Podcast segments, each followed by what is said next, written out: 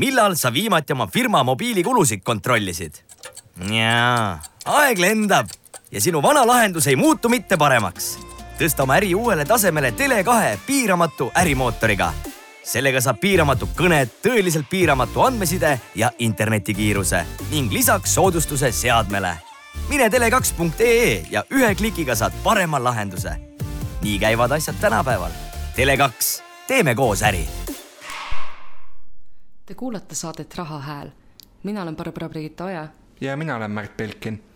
täna saates küsime küsimuse, miks me jätame jootraha? jootraha traditsioon oletab ilmselt keskaega.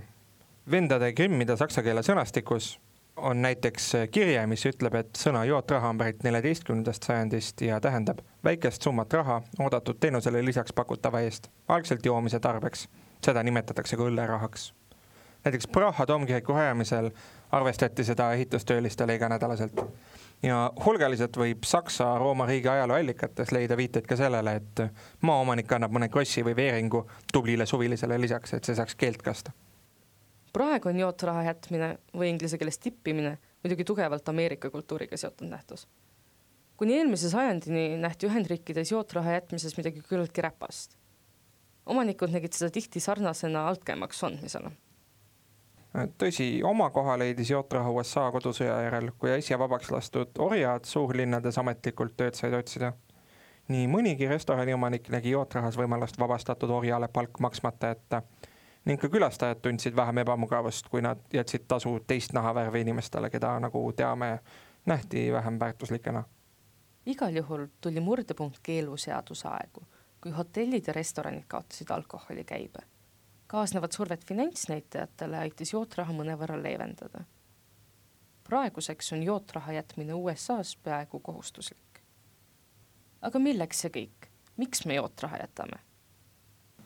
no Cornelli ülikooli professor Michael Linn, kes on jootraha pakkumist põhjalikult uurinud, toob välja viis põhilist motivatsiooni. esiteks surustamine. teiseks siiras soov teenindaja sissetulekut suurendada ja talle rõõmu teha kolmandaks, parem teenindus tulevikus. neljandaks, soov, et teenindaja kliendist halvasti ei arvaks. ja viiendaks, puhas kohusetunne. tahe endast head muljet jätta on igati arusaadav, niisamuti kohusetunne. kui näiteks Ühendriikides kõik jootraha jätavad ning see on ühiskonnas aktsepteeritud tava, on loogiline tasu jätta. kas aga tõesti toob jootraha jätmine kaasa ka parema teeninduse? Teenindusest ja jootrahast räägib meile üle kümne aasta teenindussektoris töötanud Rainis Pajumäe. mingil hetkel hakati määra nagu rohkem panema tähelepanu sellele, et äh, nagu mis on nagu teeninduse kvaliteet ja, ja noh, see on ka viinud nagu sinnamaani selle asja, et, et sul on palk on mingis mõttes nagu võib-olla väiksem tänu sellele, et äh, rõhutakse võib-olla selle peale rohkem, et jootraha on nagu nii-öelda seda nagu suurendada see suureneb läbi selle teeninduskvaliteedi enda siis, ehk siis nagu seda tõstetakse nagu koos. et tipp peaks olema asi, mida sa saad tegelikult selle eest, et sa teed oma tööd hästi, mitte et nagu Ameerikas, et sa saad seda nagu, et see peab olema. ehk siis ma arvan, et kui tipp oleks asi, mida kõik annaksid kogu aeg, siis see viiks teeninduskvaliteedi alla. sest et siis sa oleksid nagu enda kogu aeg teaksid, et sa saad seda niikuinii, siis miks sa peaksid pingutama rohkem selle nimel, et seda saada, ma arvan kuidas Eesti perspektiivis on, kas meil inimesed pigem äh, jätavad hea meelega tippi ja kui suurel ajast, osal ajast nad seda teevad, kas see on selline nagu pigem garanteeritud asi või konkreetselt siis, kui on hea teenindus? ma arvan, et tipp on selline asi, mille peale ei saa kunagi kindel olla, sest ta on nii, ta on nii oleneb, oleneb päevast täiesti. eestlane nagu enamus ajast ikkagi jätab tippi, aga ma siiski arvan, et tegemist on sellega, et see kuidas on noh, kuidas sa inimesena ise nagu nendega kontakti lood, sest teenindaja töö on nagu, sa ei saa kõiki laudasid teenindada samamoodi, sest sa pead ikkagi tunnetama ära, millised inimesed sul lauas on. Kinda, et nagu see empaatiavõime on hästi oluline. ja sealt tuleb hästi palju. sest et kui sul on ikkagi selline laud, kus sa näed, et sul on mingi erikohtumine ja nad räägivad oma mingeid tähtsaid asju, siis sa ei ole kogu aeg seal vahel, et nagu mingi alustada conversation eid ja mingi nagu mõne lauaga sa räägid hästi palju, teistega vähem, et see on hästi selline, et kindlasti see määrab palju ja noh, muidugi ka, kas sul on mingid püsikad, on need mingid täiesti teised inimesed, et see on nagu nii, nii seinast seina äh, ma arvan, et üks väga tähtis asi, mis paneb paika selle, kas jäetakse või ei jäeta tippi, on see, kas sul on laua või letiteenindus. sest kui sa oled nagu, lähed pubisse ja sa tellid letist oma mingid õlled ära ja mingi söögi ja värgid, onju, siis sa enamus juhtudel võib-olla üldse maksad kaardiga, onju, mis on ülitavaline ja isegi mina ise, kes ma tegelikult jätan enam, noh, kui ma käin ikkagi söömas, kuna sa oled ise teenindaja harjunud tippi saama, siis sa isegi jätad alati ka tippi. siis pubis jah, kui seal on mingi tipitops, siis ma ikka viskan sinna, kui ma maksan sularahas ja mul jääb midagi üle. aga kui sul ei ole nagu sellist nagu lauateenindust, kui sul on lauateenindus ja sa maksad oma arve lauas ja ma olen nagu rahul sellega, mis ma sealt sain, siis ma, nagu mina vähemalt jätan. see kindlasti määrab et restoranis sul ongi lauateenindus, sul on oma teenindaja ja see paneb nagu asjad paika. mis vahe on siis äh, sularahas ja kaardiga maksvatel klientidel, et kui palju see mõjutab, kui palju ja kas nad jootraha jätavad? mulle tundub üldse tegelikult, et praegune kogu maailm liigub selles suunas, et ma arvan, et ma ei oska seda aega nagu, nagu nüüd öelda, aga ma arvan, et äkki sihuke kümme, kakskümmend, ma usun, et mingi aeg kaob sularaha ära üldse, sest kõik liigub selles suunas, et see nii läheb lihtsalt. et äh, on kohad, kus tegelikult kaarditippi ei saa üldse jättagi. et äh, kui inimene ei ole arvestanud, et tal on sularaha, peaks olema tipi jaoks kaasas, mis paljudel juhtudel ka nii on, sest et inimesed noh, nad lähevad sööma, nad, see ei ole asi, mis sul kogu aeg kuklas on, vaata. et äh, kindlasti see mõjutab palju, et kui, äh, kui tööandja ei ole võimaldanud oma teenindajatel nagu, et nad saaksid kaardiga tippi. praeguses kohas, kus ma olen, on niimoodi, et kui inimene jätab kaardiga tippi, ma löön selle kassast läbi, ja ma saan palgale lisa niimoodi, et sealt läheb kakskümmend protsenti maha siis nii-öelda seda käibemaksu on ju, läheb riigile. ja ülejäänud tuleb siis nagu mulle palgalisana iga kuu nagu juurde, kaarditipp äh,. on mingeid kohtasid, kus, kus see süsteem on teistmoodi, et on võimalik seda kaarditippi siis äh, päeva lõikes kätte saada, aga noh, see on täpselt niimoodi, et see on, äh, nii palju kui ma olen aru saanud, on see veits keerulisem ja see on raamatupidajale veits nagu suurem töö, et see saaks niimoodi igapäevaselt toimida et äh, aga kindlasti ja see, see mõjutab kindlasti aga kuidas sa arvad, et see võiks olla või ma eeldan, et siis, kui äh, kaarditipilt läheb maksu, lähevad maksud maha, et siis teenindajad pigem eelistaksid saada sularahatippi? Äh, jaa, või noh, see on täpselt niimoodi, et ütleme, et kuna teenindaja see tipp on niisugune kinda nagu asi, millega sa elad nagu päevast päeva ja sa palga eest maksad arveid, on ju siis nagu jah, muidugi see sularaha tipp on nagu hea, sest et sa aitas igapäevaselt elada, aga tegelikult, mis ma olen tähele pannud, on see, et äh, kuule, see palgalisa on ikka päris hea, kui see tuleb sul iga kuu umbes tuleb nagu, tulebki see mingisugune summa juurde, siis tegelikult see on nagu päris äge, kui sa saad nagu suurema palga, on ju. aga noh hästi paljud külalised on sellised, et nad no, nagu lausa, nad küsivad su käest, et nagu kas sa sooviksid saada kaarditippi või nagu sularahatippi ja siis nad küsivad, et kuidas see kaarditipp toimib ja ma räägin neile selle ära, et kakskümmend protsenti läheb riigile, siis nad on nagu mingi, et aa, ei no me jätame siis sullis, vaata, et mis me seal riigile ikka maksame, vaata. aga noh, eks Maksuametile see ilmselgelt ju kindlasti ei meeldi, sest et noh, igalt poolt, kus saaks, tahaks ju võtta riigile midagi ära, vaata. et see sularahatipp on, ega seda on väga keeruline maksustada, sest et keegi ju ei tea ju, palju seda tegelikult läbi liigub, vaata, teenindajatelt või no üldse restoranidest? nagu me kuulnud oleme, arvestavad nii teenindajad kui restoraniomanikud, vähemalt Tallinna kesklinnas, üldjuhul sellega, et inimestele jäetakse jootraha. just seetõttu eelistatakse tihti miinimumpalgaga teenindaja kohta noorte seas tööle näiteks poekassas. mida see aga ühiskonnale tähendab? jootrahaga arveldamine käib tihti sularahas.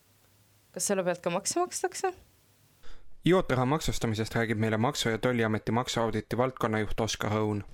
kuidas on Eestis praegu olukord jootraha jätmise ja, ja selle maksustamisega? et ega selle küsimuse esimese, esimest poolt äh, ausalt öeldes ma väga hästi nii-öelda tunnetuslikult kommenteerida ei oska, et, et kuidas selle jätmisega on, et, et noh, eks siin eks siin noh, teada ju, ju, ju on see fakt, et eestlane ei ole väga aldis äh, head teenindust märkama ja selle eest ka siis äh, võib-olla jootraha jätma, et, et, et siin, siin mujal, mujal, mujal, mujal maailmas see, see kultuur on, on natukese sellisem, võib-olla rohkem arenenud ja, ja, ja, ja selline tavad vähe teistsugused, et, et eestlane üldjuhul ju ei ole väga, väga, väga jootraha maksmise aldis. Eh, noh, maksustamise poolt nüüd teine, teine pool siis, et ega jootraha maksustamisele täna ikkagi kehtivad samamoodi reeglid, et, et ikkagi jootraha käsitletakse täna maksuseaduse kontekstis kui, kui tulu tehtud hea töö eest, mis siis tegelikult eh, noh, kahest aspektist vaadatuna, et, et kui seda jootraha jagab välja või siis nii-öelda kogub kokku töötajate käest tööandja ja siis näiteks kuu lõpus või, või, või päeva lõpus või, või nädala lõpus maksab tööandja selle töötajatele välja, siis kuulub see kõikide töömaksudega maksustamisele siis tööandjale. ja teisest küljest, kui see, see ümbrik või siis see, see jootraha nii-öelda siis on, on, on kokkukogumisel ja, ja arvestamisel siis tööandjate endi poolt, siis on see iga enda töötaja siis asi, et see ka tema tuludeklaratsioonil kajastuks siis, siis, siis tuluna et, et, et, et rohkem reegleid ega siin ei olegi, et, et, et, et küllaltki lihtne ja arusaadav peaks olema kõigil osapooltel. kui palju reaalsuses äh, jootrahana saadud tulusid deklareeritakse? Et sellega on nüüd see asi, et, et ega meil täna maksudeklaratsioonides ei ole eraldi kuskil rida toodud, et tegemist on jootrahaga, et, et et eraldi ülevaadet nüüd, kas ja kui palju nüüd ütleme, töötajad oma, oma iga-aastasel tuludeklaratsioonil siis äh, palgatulu all jootraha maksustavad, et sellist ülevaadet meil ei ole, et äh, et äh, et noh, jah, küll siin tõsi loomulikult, et, et kui nüüd turu käest endi käest küsida, siis siis võib saada tunnetuse, et ega, ega väga palju või, või, või, või, või sellist äh, väga suurt teadlikkust võib-olla selle osas isegi ei ole, et, et võib-olla siin iseasi ei ole väga nii palju maksumoraalis kinni, võib-olla selles teadlikkuses, et, et, et, et noh, mis on ka tegelikult noh, meie ülesanne roll maksu, maksuhaldurina selgitada ja just ka ütleme, teenindussektoris, kus on väga palju noori, noori tööturule sisenejaid, kes võib-olla ei teagi, et, et, et see, see raha, mida nad siis hea teeninduses klientidelt saavad, tegelikult kuulub ka neil deklareerimisele ja, ja, ja sealt siis maksud tasumisele, et et, et ma pigem, pigem võib-olla isegi, isegi jah, näen seda poolt, et, et siin võib-olla paljuski on tead, teadlikkuses ja selle teadlikkuse puudumises küsimus, et, et kui mitte sellises teadlikult pahataht-, paha, pahatahtlikkuses ja, ja, ja, ja sooviga siis maksudest kõrval hoiduda. Kui palju Maksu- ja Tolliamet äh, pöörab tähelepanu sellele, et äh, seda teadlikkust tõsta teenindussektoris? et noh, Maksu- ja Tolliametis täna selge prioriteet, millega me tegeleme, on, on tööjõumaksud ja, ja, ja ümbrikupalga vastane võitlus, et, et ümbrikupalgad täna on selgelt Eestis ühe, üks suurema levikuga ja ulatusega maksuprobleem, et, et meil jääb Eestis hinnanguliselt üheksakümmend miljonit eurot äh, iga aasta saamata. äh, ümbrikupalkade tõttu, et, et ümbrikupalgad on meil fookuses ja, ja selle raames äh, loomulikult me me tegeleme lisaks järelevalvele, selliste kontrollimeetmete rakendamisele ka siis eh, selle poolega, et, et kuidas üha enam seda vabatahtlikkust, vabatahtlikku maksulaekumist kasvatada ja, ja läbi ka selle siis sellist maksu, maksuharimise ja, ja, ja maksuteadlikkuse tõstmise meie, meie, meie kodanike seas, et et, et, et me siin hiljaaegu eelmise aasta lõpus viisime läbi ka, ka sellise meie ameti jaoks esi, esmakordse sellise maksutahte uuringu, kus me siis uurisime meie inimeste teadlikkust ja, ja, ja soove ja selliseid ajendeid, kuidas nad suhtuvad maksu tasumisse ja, ja, ja kui, kui oluliseks nad peavad, siis tegelikult äh, väga hea üllatav tulemus oli see et, et üheksakümmend viis protsenti Eesti kodanikest tegelikult peab maksu tasumist oluliseks ja nad saavad aru, et see on nende, nende kodaniku kohustus, et et, et üldine pilt on hea, aga, aga loomulikult sellised äh, kitsamad teemad, just seesama jootraha maksustamine, sellised võib-olla veelgi nüansirohkemad äh, maksuspetsiifi-, spetsiifilisemad teemad loomulikult, et see on meie ülesanne ja töö seda, seda teadvustada, et, et, et siin eelmise aasta äh, või meie jõus selline nii-öelda tulu, tulude deklareerimise süsteem, kus, kus tegelikult me inimesed pidid aasta alguses oma tulusid planeerima, et, et loomulikult seal oli meil väga suur roll ja ülesanne selgitada veel kord täpsemalt, kuidas, mismoodi, milliseid valikuid teha, kui palju oma tulu arvestada, kui palju mitte, et et see on meie üks igapäevatöö osa ja sellega me tegeleme. kas äh, see tähendab, minu ettekujutus on, et tegelikult see summa, mis nüüd äh, jootrahana äh, ringleb, et see ei ole vist isegi piisavalt suur, et ta peaks, et ma mõtlen selles mõttes, et kas ta on Maksuameti jaoks pro probleem või, või mitte. No.. et ta vist prioriteedina nojah, ma siin tegelikult, tegelikult tooks nüüd selle vaatemängu, et äh, Eesti on täna tegelikult OSCD liikmesriikide seas ühe kõrgema äh, maksukogumise efektiivsusega, et me kulutame eh, saja euro eh, maksuraha koju toomiseks siis nelikümmend eurosenti. Ehk et noh, et kui ma nüüd siin ütleme, võtaks nüüd korra vastupidi, et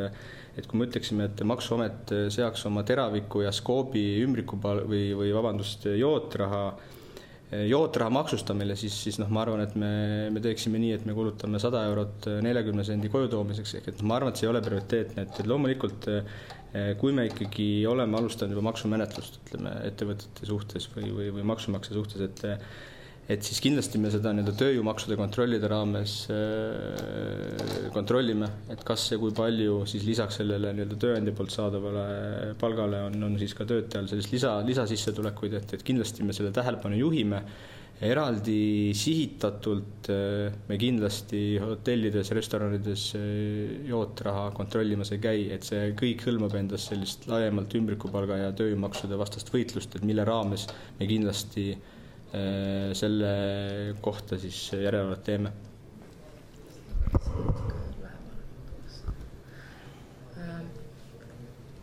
kas äh, Maksu- ja Tolliamet on alustanud mingisugust menetlust äh, kunagi konkreetsete no. hotellide või toitlustusasutuste osas? et noh, need kontrolli alustamise ajendid on ikkagi, ikkagi olnud natukese teised, et, et, et, et loomulikult see jootraha teema on seal selline kõrval, kõrvalnähtus, noh, nagu ma ütlesin, et, et, et kui me, kui me seda näeme, siis kindlasti me selle osas ka, ka ka seda maksu, maksu parandamist loodame näha, aga, aga jah, et meie sellised ajendid, kuidas me kontrolli alustame, kelle suhtes, et see kontrolli alustamine tegelikult noh, me täna oleme võtnud ikkagi selge eesmärgi, et kontroll selline väga karistuslik meede peaks olema tegelikult viimane samm, kuidas maksu, maksumaksjat mõjutada, et, et enne seda me ikkagi proovime, proovime koostöös sellisel pehmel lähenemisel aru saada, millest need probleemid tingitud on, miks, miks ja kuidas äh, kuidas need maksuriskid on esinenud või mitte esinenud, et ja noh, mis tegelikult ka näitab meie statistikas, et, et, et üha enam meie kontrolle ikkagi lõpevad vabatahtliku deklaratsiooni parandusega, ehk et, et, et selle maksumenetluse või selle kontakti raames ikkagi maksumaksjad ise, ise saavad aru, et nad on eksinud ja nad soovivad oma maksuarvestust vastavalt siis meie maksuaudiitorite juhistele korda teha, et, et, et et sellised kaasused, kus me peamegi nüüd täiesti nii-öelda nugade peal lõpuni minema kuni maksuotsuseni välja ja võib-olla sealt edasi kohtuotsuseni, et, et need tegelikult aina aina vähemaks meie praktikas jääb, et no eks see võib-olla taandub ka natuke sellise Eesti tarbija harjumustele siis nii-öelda, nii-öelda maksta, ehk et tegelikult Eesti, Eesti klient on, on, on väga ikkagi elektroonilise raha usku, ehk meie tarbija väga paljuski oma, oma tehinguid teeb kaardiga makstes, et, et kogusummas, kui ma nüüd siin numbritega täpselt võib-olla siia-sinna eksin, aga aga kuskil seitsekümmend viis protsenti Eestis tehtud Äh, tehingute kogumahust tegelikult makstakse elektrooniliselt, et, et see sularahaga arveldamine, majandamine on pigem muutnud tülikaks ja, ja kui võib-olla siin korra, korra nagu omast kogemusest mõelda, siis noh, ega seda sularaha ei ole taskus niimoodi, et, et pärast siis restoranis käimist või, või kohvikus eenestamist oleks kohe võimalik jätta seda, seda, seda sularahast. eks, et, et no loomulikult on tervitatav see, et, et ka sellised vahendusettevõtted on tek-, on tulnud, kus on siis läbi elektrooniliselt võimalik seda jootraha maksta ja, ja mis siis läbi, läbi tööandja liigutades ka, ka noh, suurem tõenäosus on, et see, see siis selle palga palga ja tööjõu väljamaksetega saab deklareeritud, et, et noh, ma pigem jah, näen siin seda, et, et, et, et võib-olla see sularaha selline vähem ringluses olemine